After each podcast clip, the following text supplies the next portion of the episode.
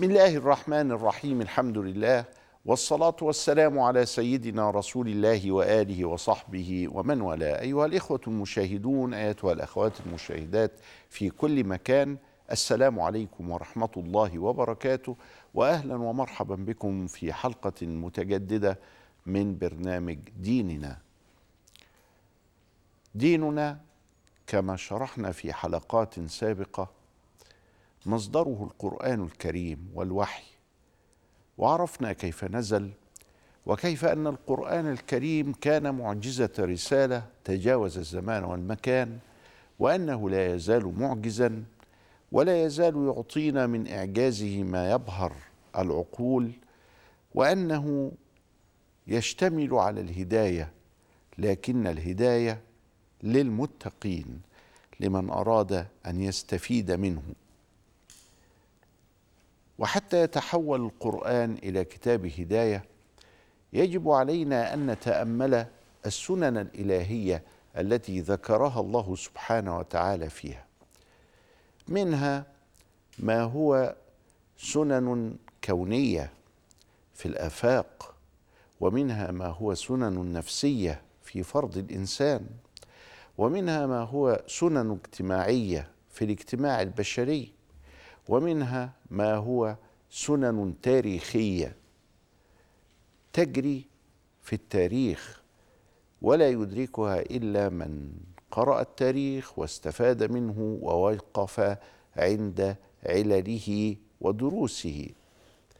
والله سبحانه وتعالى يتكلم في كل هذا في القرآن الكريم ويجب علينا أن نتأمل هذه السنن التي عدها بعضهم أكثر من تسعين سنة إلهية أشار إليها الله سبحانه وتعالى. وضربنا المثل بهذه السنن الإلهية بسنة التعارف فإن الله سبحانه وتعالى خلق هذا الكون وجعل التعارف سنة فيه وجعلناكم شعوبا وقبائل لتعارفوا. ومن هنا تتولد سنة أخرى وهي سنة التكامل وهذا هو الذي عليه الإسلام وهي مسألة فلسفية حارت فيها الحضارات فجعلت بعض الحضارات العلاقة الأساسية بين الإنسان والكون بين الإنسان ونفسه بين الإنسان وجاره هي الصدام والصراع. لكن الصراع والصدام موجود في الدنيا لكنه ليس هو الأساس ليس هو الذي يأمر به الله ليس هو الذي خلق الله الخلق وربط نجاحهم وسعادتهم في الدنيا والآخرة عليه لكن بعض أهل المصلحة يرون أن الصراع هو الأساس وأن الصدام هو الأصل وأنه ليس هناك ما يسمى بالتواؤم أو بالتكامل أو بالاتساق الذي بين الإنسان والكون بين الرجل والمرأة بين الحاكم والمحكوم بين صاحب المال والعامل بين الدول بعضها مع بعض بين المجتمعات بعضها مع بعض بين الجار وجاره إلى آخره.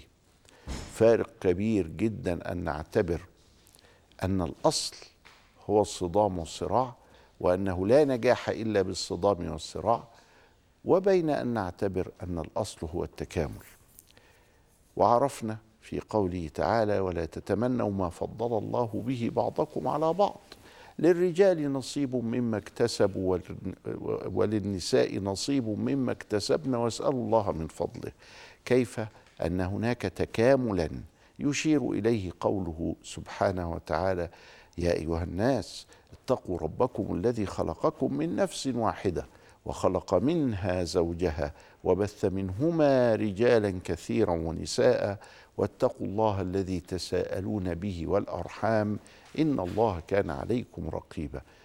إنه التكامل إنه التعارف.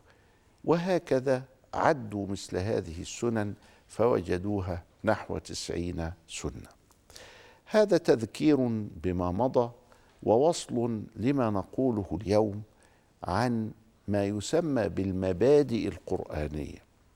حتى يصير القرآن كتاب هداية وحتى نجدد من فكرنا الديني ومن خطابنا الديني ينبغي علينا أن نتدبر وأن نتأمل هذا الكتاب كتاب الله المسطور كتاب الوحي وأن نستخرج منه وأن نقف عند ما يسمى بالمبادئ القرآنية. والمبادئ جمع مبدأ وكلمة مبدأ معناها مصدر ميمي كما يقول أهل النحو. والمصدر الميمي مصدر مبدوء بميم مبدأ. وهذا المصدر يدل على الزمان يعني زمن البدء مثلا. المكان يعني مكان البدء. نفس الحدث يعني البدء نفسه. ولذلك عندما نتعمق في كلمة مبدأ فإننا نجد فيها هذا التنوع أو هذا هذه المعاني أنها دالة على بدء الزمان أو بدء المكان أو نفس البدء. مبدأ. اذا لابد علينا أن نفهم البدء والبدء في كل شيء يبدأ بالانطلاق من نقطة معينة فتكون نقطة البداية إلى نقطة أخرى فتكون الغاية تكون نقطة المطلوب.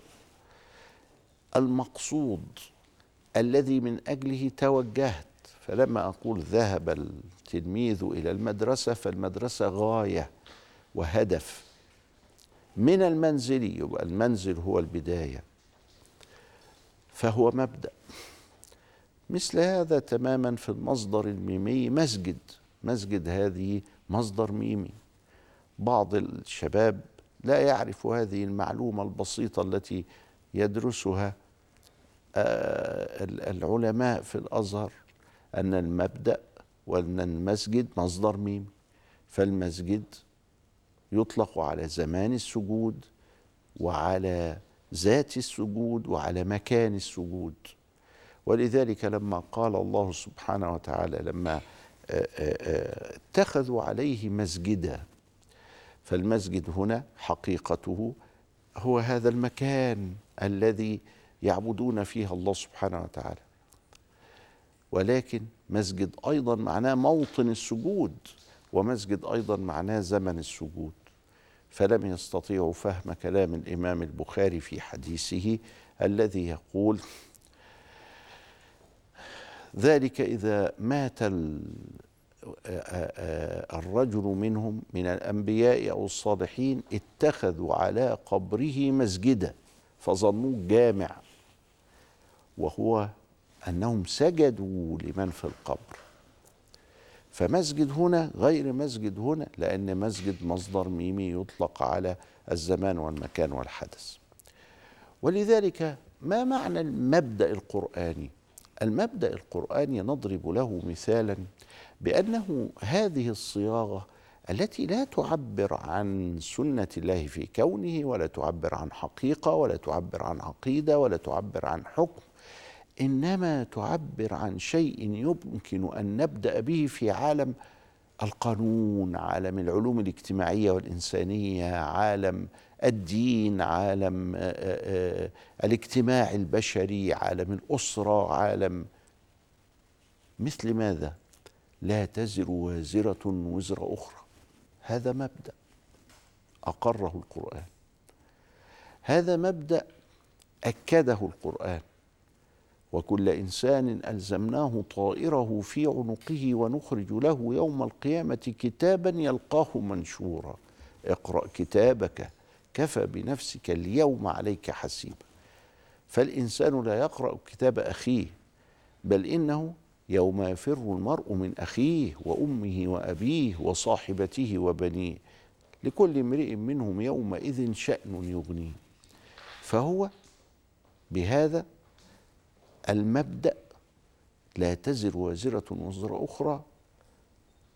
أقر حرية الإنسان وأقر مسؤولية الإنسان وهما وجهان لعملة واحدة. فأصبح الآن أنا لا أتحمل خطيئة أبي. وضرب القرآن أمثلة كثيرة وكأنه يشرح هذا المبدأ المهم الذي سوف ينقذنا في كثير من المواقف في علم القانون وفي علم العقوبات وسينقذنا في علم النفس وسينقذنا في الاجتماع البشري أنه لا تزر وازرة وزر أخرى وسيتحكم هذا في نظرية الثواب والعقاب سواء كانت الحوافز أو المنع من الجريمة أنه لا تزر وازرة وزر أخرى وسيتحكم هذا في الحريات السياسية. وسيتحكم هذا في حقوق الإنسان وسيتحكم هذا في أشياء كثيرة للغاية فيها هذه الاستقلالية للإنسان. لا تزر وازرة وزر أخرى. مبدأ لأنه يصلح أن يستخدم في كل هذه المناحي وتلك العلوم ولأنه في ذات الوقت هو لا يعبر عن حكم أو أمر أو نهي لكنه يعبر عن مسألة خلقها الله سبحانه وتعالى وهناك من درس مثل هذه المبادئ في كلية أصول الدين الدكتور مصطفى عبد الكريم وطبع كتابه المبادئ العامة في القرآن. هذا كلام جديد وليس له سابق. جمع أكثر من ثلاثين مبدأ من المبادئ العامة وما زال البحث مفتوحا أمام الباحثين يضيف كل بما فتحه الله عليه به. فإن القرآن لا تنتهي عجائبه ولا يخلق من كثرة الرد. كما قال فيه رسول الله صلى الله عليه وسلم سيبقى هو النبي المقيم وهو معجزة الرسالة كما قدمنا. إلى لقاء آخر. أستودعكم الله والسلام عليكم ورحمة الله وبركاته.